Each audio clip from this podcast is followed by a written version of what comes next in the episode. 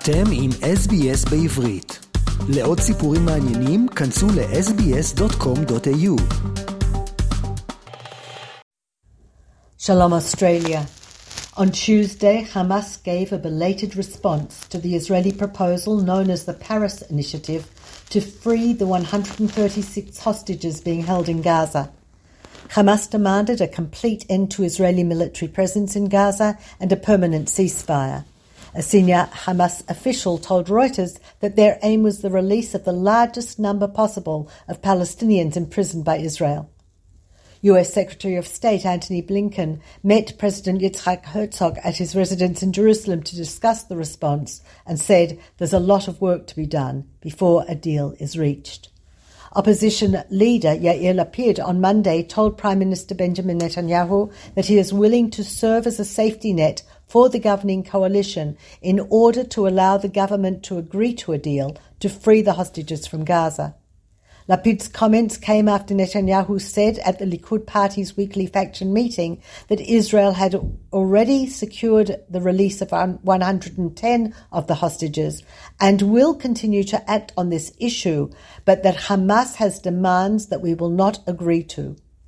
Members of his right wing coalition are against any release of Palestinian security prisoners, and some oppose any ceasefire.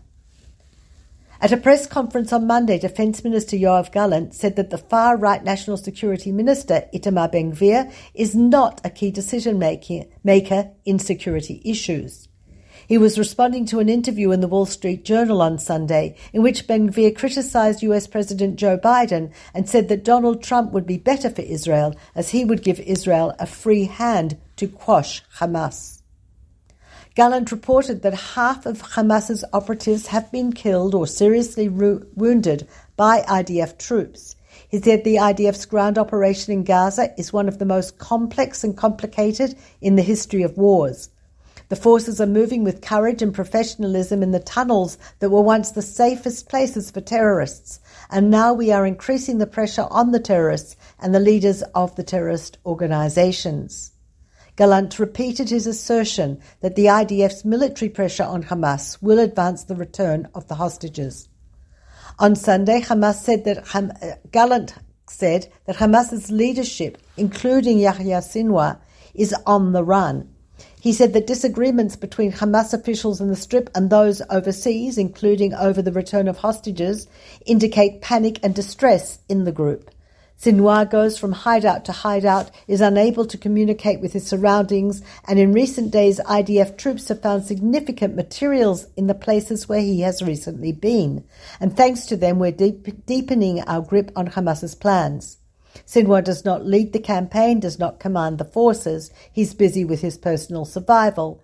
He turned from the head of Hamas into a fugitive terrorist, and IDF forces continue to pursue him. The IDF struck Hezbollah targets in southern Lebanon throughout the week as the Iran backed terrorist organization continued its attacks on northern Israel. On Monday, visiting foreign, French Foreign Minister Stéphane Séjourné said that settler violence in the West Bank must stop. He condemned any violent statements that spark Palestinian hatred, saying those statements are more and more frequent in Israel. Séjourné stressed that he is in Israel as a friend, but he is here to tell truths that our Israeli partners may have a hard time hearing. He said that for four months now, Gazans are under bombing, besieged and deprived of basic aid, and, we're ga- and are gathered near Rafah. Nothing to justify such a tragedy. The ongoing tragedy in Gaza must stop. In compliance with international law, there must be an immediate and sustainable ceasefire, and more aid should enter. Séjourné called for a political solution with two states living peacefully side by side. He said after the atrocities of October 7th, no one thinks about rewarding terrorism here, but none of Israel's friends can imagine handling the issue of the Palestinians without solving it, and this will happen via a Palestinian state. Séjourné also announced during his visit to Jerusalem that France will donate 200,000 euros to the Association of Rape Crisis Centers in Israel to help victims of Hamas deal with sexual violence and sex crimes committed on the 7th of October.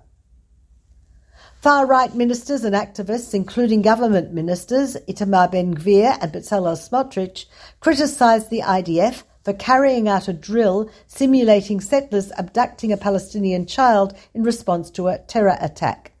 Footage from the drill showed that several soldiers were wearing vests marking them as the enemy force, a common practice in military exercises.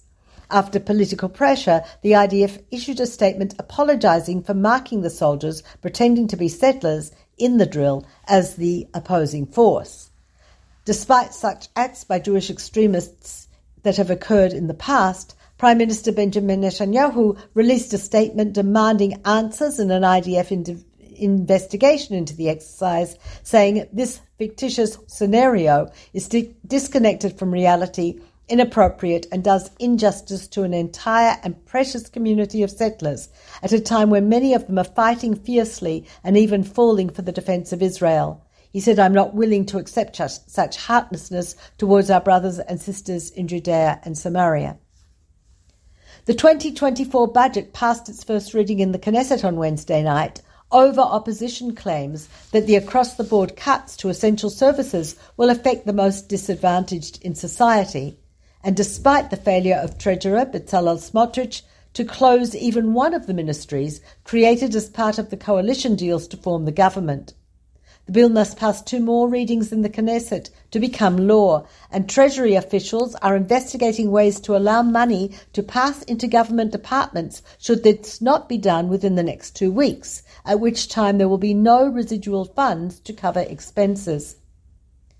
Economy Minister Nir Barkat on Wednesday issued an ultimatum to Israeli food companies that have raised their prices since October 7th, warning them that they will be blacklisted if they do not reverse course. The companies include Tnuva, Osem, and Strauss, which raised the price of some items by as much as 25% in January.